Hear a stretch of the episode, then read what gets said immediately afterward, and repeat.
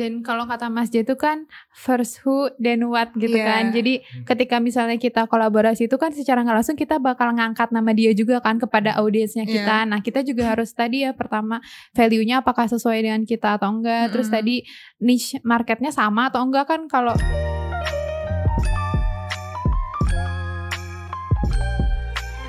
Ta ta ta ta ta ya. Tan ta ta ta ta ta. Oh, ayo ayo ayo. Yo. Assalamualaikum warahmatullahi wabarakatuh. Waalaikumsalam. warahmatullahi wabarakatuh. Iya, kita balik lagi di podcast Ngobrol Bareng Yubi, episode kesekian. Mungkin sebelum kita masuk ke topik, aku pengen nanya dulu sama teman-teman yang nonton atau yang dengar hari ini. Kan kita udah episode berapa ya? Udah lumayan banyak nih. Eh, kita pengen 19. tahu, ya 19 ya 19. kayaknya.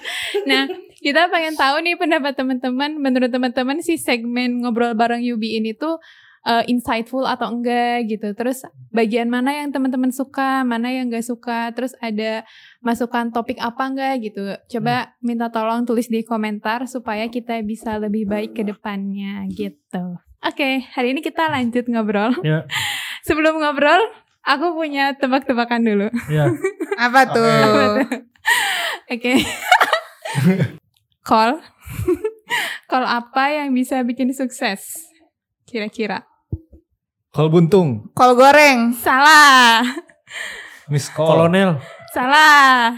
Letnan Kolonel.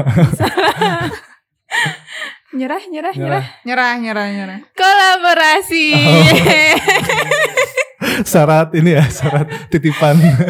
Sangat to the point. Oh, kolaborasi. Iya, jadi hari ini kita mau ngobrolin soal kolaborasi.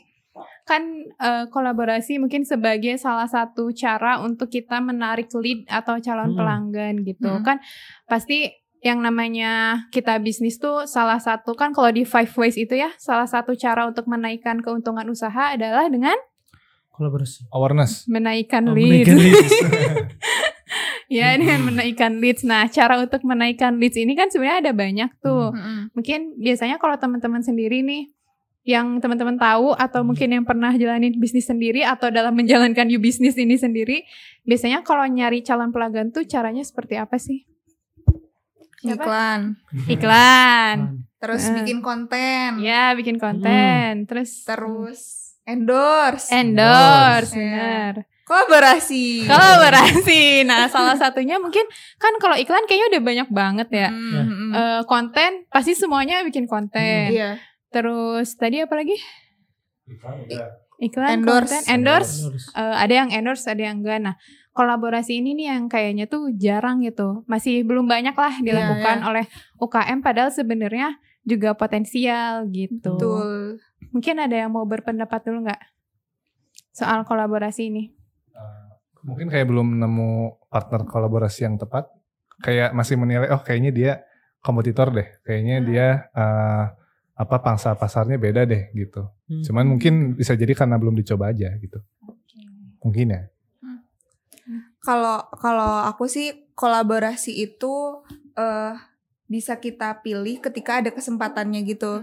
Misal eh, kita punya temen nih, temen kita jualan anu, kita jualan inu gitu. Oh ternyata satu segmen nih, satu segmen pasar, terus eh, atau kalaupun nggak satu segmen tuh eh ya bi- masih bisa masuk lah. Misal eh kayak contoh nih, kayak Dirmi Beauty itu mereka kolaborasi bareng KFC. Hmm. Jadi kan cewek-cewek suka ngemil, terus cewek-cewek juga suka skincarean. Hmm. Nah, eh, ya pintarnya mereka tuh mereka punya akses ke sana gitu. Jadi ketika ada satu peluang eh, yang mereka bisa apa? Mereka bisa eh, kolaborasi bareng, eh, ya gaskeun gitu. Oke, gimana kalau menurut? Apa kolaborasi? Contohnya ya?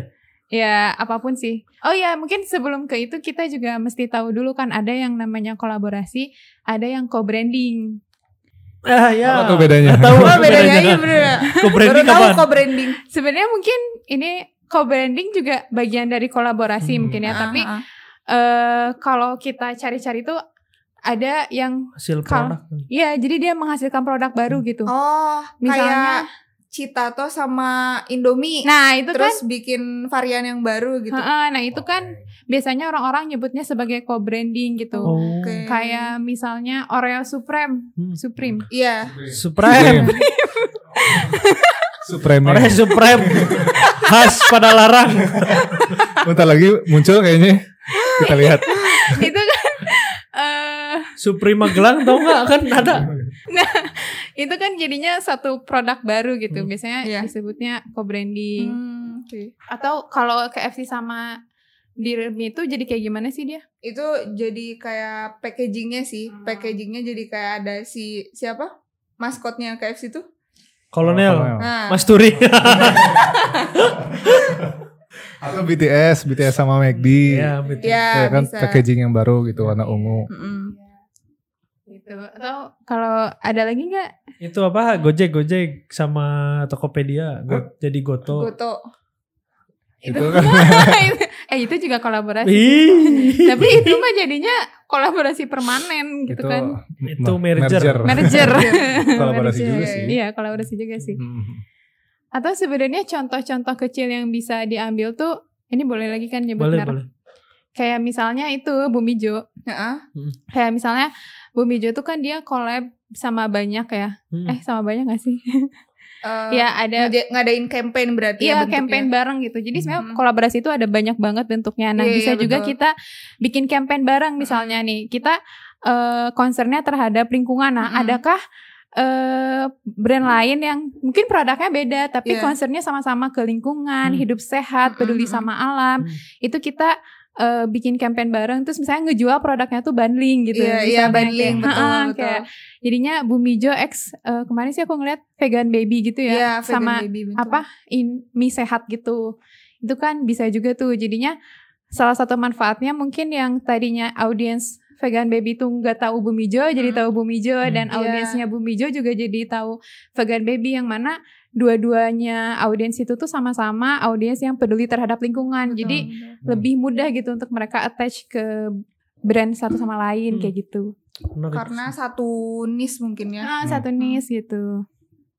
Mungkin ada yang bisa ngasih contoh lain gak dan manfaat dari si kolaborasi itu? Ini sih aku tuh lihat apa Kompas, Kompas Hmm. kan dia eh, sering ngeluarin sepatu-sepatu baru dengan Oh, hasil iya. kolaborasi. Heeh. Contoh sama BCA karena Iya. BCA logonya warna biru sama apa yang BCA tuh? Putih. Putih. Putih. eh, akhirnya sepatunya juga biru putih. Tapi special edition BCA series gitu. Mm-mm. Terus sama barbecue mountain hijau sama apa Hijau. karena Heeh. sepatu itu barbecue mountain tuh bikin barbeque-nya di kabin di hutan gitu. Jadi sepatu di untuk mountain.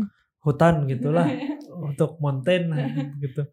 Banyak terus ada sepatu apalagi ya? Banyak lah sepatu-sepatu dia tuh hasil collab kayak sama pemain band. Ini khusus anak band. Jadi sepatu yang asalnya dia present untuk satu komunitas tertentu untuk kerja, dia bisa masuk ke market-market yang lain dengan cara collab. Aku mau jualan sepatu untuk naik gunung gimana ya? Oh, collab aja sama yang suka naik gunung. Aku mau jual sepatu untuk anak band, tapi aku nggak punya marketnya. Biar dia aja yang jualan, tapi aku yang provide si sepatunya gitu-gitu sih. Iya. Iya bener sih. si kolaborasi ini juga bisa jadi apa ya FOMO gitu buat kita misal eh aku tuh karena kan biasanya kalau kolaborasi bentuknya produk gitu kan itu limited edition ya Terus kayak ya aku kayaknya harus punya deh yang ini gitu karena lucu terus eh kayak beda aja dengan brand yang dia yang dia bawain di awal gitu Mungkin itu salah Hmm. satu syaratnya juga. Jadi kalau collapse tapi seumur hidup gitu. jadi kayak ya collapse ya? gitu. Iya. Merger. Eh, merger ya. Merger, bener-bener. Kayak Gojek Tokopedia. Ah, jadi kita tuh mau wah special edition jadi nggak spesial lagi gitu. Iya. Iya sih bener-bener. Oke dan kadang kolaborasi itu nggak harus langsung produk juga. Kayak Iya. misalnya tadi kita kepikiran eh, kita mau buka bisnis baru gitu ya. Hmm, Terus gimana ya kan kita followersnya masih nol nih. hmm. supaya narik followers oh ya udah kita collab aja Iya. sama Hmm. influencer, Influencer. yang punya audiens Mm-mm. gitu kan mereka nggak punya produk tapi mereka punya bentuk- masa punya ya. masa Iya. dan jadinya bikin campaign aja gitu Iya. misalnya kita live bareng Iya, atau betul, apa betul. gitu itu juga bisa kan ya Contohnya kayak di Instagram aja udah banyak kan sekarang kayak postingan tuh dari dua akun gitu. Oh, iya. Dan itu difasilitasin ya? juga sama Instagram ya. Iya, uh, jadi uh, saling istilahnya followernya udah satu punya follower, satu punya follower ya kayak Gabung. dua-duanya uh, Mm-mm. saling share gitu, saling Iya. berbagi leads. Iya dan dan sekarang tuh kayaknya kolaborasi sesuatu yang seksi gitu ya karena eh, kalau dulu mungkin eh, mereka tuh pada ego gitu kayak eh, aku pengen berdiri sendiri nih Hmm. aku nggak mau nggak mau eh, database aku diambil sama orang tapi kalau sekarang tuh mindset eh, pengusaha-pengusaha tuh udah kayak yuk kolaborasi bareng-bareng gitu Iya gitu. iya benar. Dan apa se- untuk internalnya sendiri sebenarnya kolaborasi juga bisa ngasih banyak manfaat ya kayak Hmm. misalnya kita bisa jadi belajar gitu kan. Iya. Mau nggak mau kita ngobrol tuh sama brand owner brand lain gitu Iya. kan dan di situ kita tahu eh kalau kamu biasanya kayak gimana nih Hmm. jualinnya atau kamu bikin kampanye gimana. Nah, dari situ juga kita bisa belajar ya. betul Mungkin lebih jauh yang tadi ya, yang sempat disinggung Liana. Jadi emang ada beberapa influencer yang nggak punya produk. Terus misalnya influencer itu teh eh, kerjasama sama penulis gitu. Si penulis ini yang suka nulis buku dan istilahnya ngerjain konten-kontennya si influencer tadi. Dan istilahnya bisa aja bisa jadi influencer itu tuh jadi punya buku sendiri gitu yang istilahnya eh, dijualin terus akhirnya profit sharing gitu si penulis sama si influencer itu gitu. Iya. Ya, banyak cuan menuju Roma ya Iya. jadi bisa jadi justru kita collab untuk menciptakan produk baru gitu ya Hmm. tadi. Ya mungkin kayak warung-warung kelontong tuh hasil kolaborasi banyak produk kan. Dia nggak punya produk sebenarnya mah. Benar juga sih. Ada teh botol, ada teh kotak, ada Coca-Cola. Ada teh gelas. Banyak tuh semuanya di satu tempat yang sebenarnya brand-brand besar tadi nggak usah bayar untuk naruh produk di sana tapi dia nitip lah untuk dijualkan gitu. konsinyasi ya Konsinyasi. Bisa. Kayak apa eh, warung kopi isi depan itu iklan misalnya iklan merek kopi tertentu gitu. Iya Oh, iya iya. iya benar Gitu. bisa. atau misalnya eh eh, teh botol gitu ya di Hmm. depan itu si apa di depan warung itu tuh kan itu sebentuk kolaborasi gitu. Iya. Oh Ah, iya. Counter-counter dulu ya. hmm. Iya. Jadi kolaborasi ini juga nggak harus nggak terbatas di online, Online, doang ya, betul. tapi di offline juga. Kayak misalnya Hmm. gimana nih yang pernah Ya kamu kayak lakukan? kemarin tuh aku sempat kolaborasi bareng kafe-kafe gitu karena misal eh, bisnis aku tuh thrift.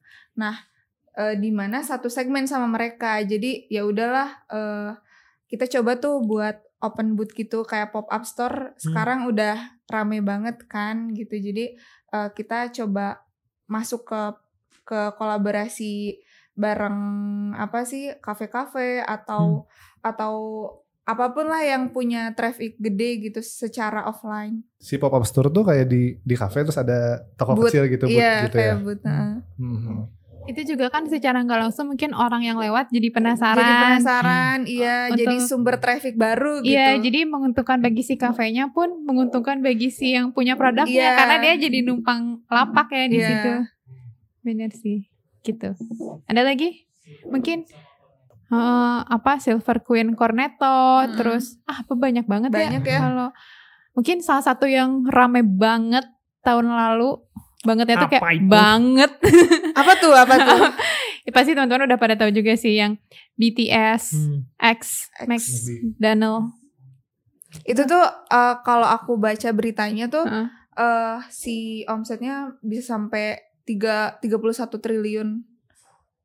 Itu cuma gitu doang gitu maksudnya. Cuman bikin kem- kemasan, Kemasan. berwarna ungu. Iya. Seluruh dunia nggak sih? Tahu? Kita nggak ada yang army di sini. Gak ada. Saya nggak tahu. Cuma bisa jadi ada yang fans BTS terus eh, kayak dia tim KFC gitu.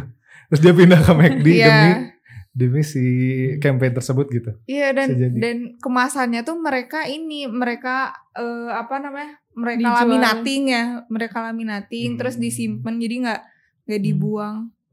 Berguna sekali ya itu untuk dipajang ya. Iya. Mengurangi sampah juga lah ya. Dan sekarang tuh mungkin karena orang Indonesia banyak banget yang suka K-pop ya. Jadi tuh Iya. banyak juga tuh brand-brand lain, brand-brand lokal bahkan Mhm. yang collab sama idol Korea yang terbaru itu ada Lemonilo atau enggak? Dia collab sama NCT Dream. Terus si Something juga sama NCT Dream. Iya iya. Kasih Tahu ya. banget ya. Kebetulan eh, NCTzen. Jadi tahu iya dan kayak itu tuh ternyata emang beneran kayak orang-orang tuh kayak oh aku pengen beli eh, mie gitu. Bahkan skincare kan skincare tuh sebenarnya sesuatu yang orang belum tentu cocok ya Iya semuanya. betul betul. Tapi dan nah pinternya si something ini ya, dia tuh jualan paketnya tuh ini. Jadi dipermudah gitu loh. Jadi ada kalau nggak salah pas main aku ngepoin tuh ada tiga paket gitu. Hmm. Paket yang pertama untuk kulit berjerawat gitu. Oh, beras, Untuk berdasarkan kulit apa? kategori Iya gitu ya. kategori. Jadi yang bisa dipahami oleh orang-orang yang bahkan mungkin nggak paham skincare gitu. Ha. Dia taunya NCT Dream doang. Hmm. Terus eh, semudah itu kategorinya. Jadi dia mau beli dan itu tuh sold outnya cepet banget gitu. Itu sih mungkin itu jadi jadi dalam kolaborasi juga mungkin kita harus nyiapin kampanyenya kayak gimana Iya, nih iya. yang cocok untuk si eh, audiensnya Mm-mm. gitu. Oke kita masuk ke tips nih terakhir ya. Nah tadi kan salah satunya ditentukan nih kampanyenya dipersiapkan. Nah selain itu kira-kira kalau kita mau collab itu eh, apa aja sih yang harus diperhatiin lagi gitu oleh teman-teman UKM. Ya. Silakan Nopal dulu. Silakan kan Ya, nomor satu ngukur diri kali. Oh, iya, Maksudnya bener. ngukur diri itu kita sejauh apa bisa collab sama siapa gitu. Iya. Takutnya kan kita wah aku baru mulai bisnis terus dengerin materi collabs langsung collabs beneran gara-gara Hmm. terlalu berani aku collabnya langsung sama eh, artis gede gitu. Iya iya. belum tentu dia juga dapat benefit yang sama. Jadi harus dipertimbangkan juga kita posisinya di mana, benefit kita yang bisa tawarkan Mm-mm. sebesar apa, dan yang kita collabin juga merasakan manfaat yang sama levelnya gitu. Jangan sampai timpang sebelah. Kalau timpang sebelah tuh pasti ada eh, harga yang harus dibayar lah, kasarannya gitu gitu. Jadi nggak pure dia collabs tanpa bayar atau Mm-mm. apa gitu sih. Iya sih, menarik ya karena eh dalam proses buat kolaborasi kita harus tahu dulu kondisi kita kayak gimana dan eh, kita harus milih tuh sebenarnya misal misal kita mau eh kolaborasi bareng influencer. Nah, Hmm. influencer yang kayak gimana dulu nih yang mau mau yang eh makro, mikro atau gimana? Misal eh, nggak nggak harus nggak harus selalu dengan eh, influencer yang yang udah papan atas ya teman-teman.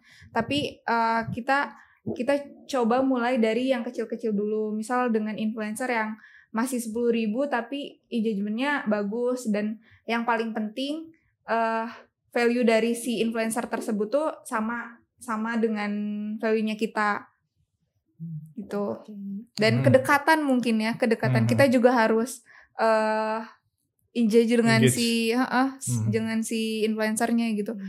karena kan kalau kolaborasi nanti eh banyak banyak apa ya banyak menentukan mengenai eh, s- dia dapat berapa kita dapat berapa eh, Hmm. apa keuntungannya berapa. Nah di situ harus dikelirin duluan gitu Dan kalau kata Mas J itu kan first who then what gitu Iya. kan. Jadi ketika misalnya kita kolaborasi itu kan secara nggak langsung kita bakal ngangkat nama dia juga kan kepada audiensnya Iya. kita. Nah kita juga harus tadi ya pertama value-nya apakah sesuai dengan kita atau enggak. Terus Mm-mm. tadi niche marketnya sama atau enggak kan kalau dan misalnya bisa masuk atau enggak gitu kan. Iya. Kalau kita collab sama yang beda banget ya untuk apa mereka tahu produk kita kalau Hmm. susah konversinya nanti gitu.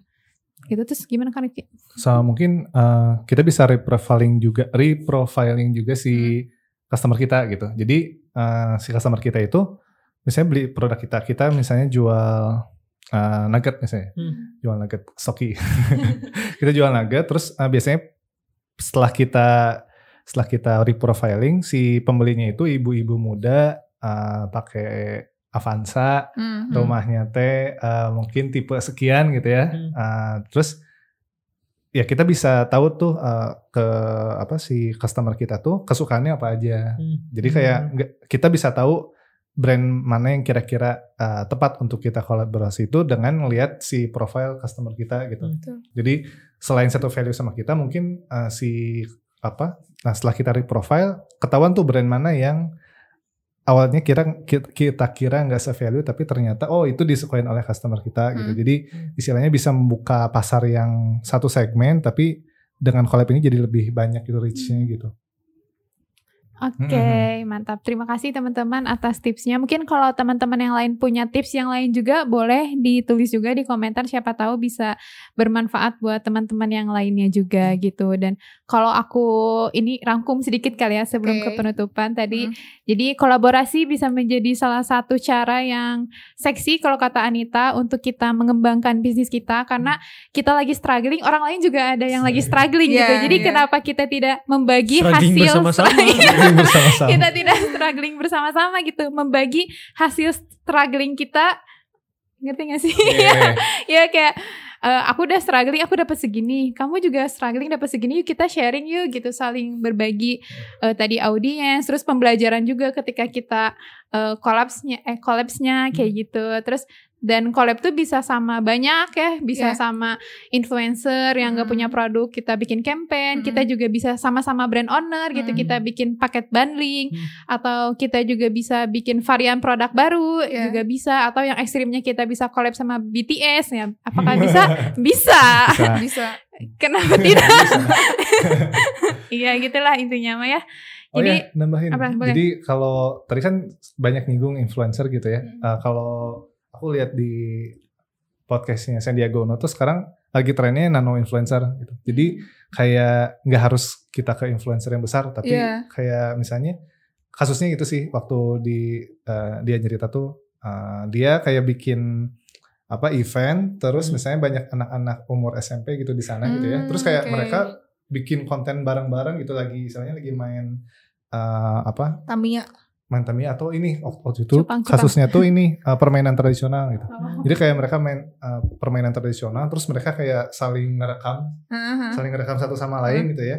Eh, jadi bentuk engagementnya tuh tinggi dan Hmm. akhirnya eh, itu tuh waktu itu publish di TikTok dan langsung ramai gitu loh ngangkat ngangkat banget karena Hmm. sekali ngerekam tuh banyak gitu. Mhm. Si itu kan istilahnya influencer influencer influencer influencer gitu kayak banyak banget gitu. Hmm. Jadi kayak gak harus mahal gitu kalau ngelihatnya aku Iya. lihatnya gitu ya kalau sekarang. Bahkan minimal dari orang-orang sekitar kita juga bisa gitu ya Iya. karena mereka juga pasti istilahnya punya lingkaran sendirilah gitu. Iya. Kita Karena berbagi lingkaran. Kalau yang influencer yang udah gede tuh kan udah terlalu luas ya jangkauannya. Kalau yang kecil-kecil justru yang lebih spesifik gitu. Kalau influencer besar tuh kayak udah titik-titik kan story itu kayak banyak banget. Kayak. Aukarin. kayak banyak banget ininya oh, produknya kayak aduh engage-nya kayaknya bakal lebih rendah gitu Iya. bisa jadi. Oke. Oke deh. Maaf tadi gitu. memotong. Gak apa-apa. Terima kasih teman-teman. Ada lagi? Ya udah gitu aja ya teman-teman. Semoga bermanfaat episode kali ini. Sampai jumpa di episode selanjutnya. Assalamualaikum Ya. warahmatullahi wabarakatuh. Waalaikumsalam. Waalaikumsalam warahmatullahi wabarakatuh.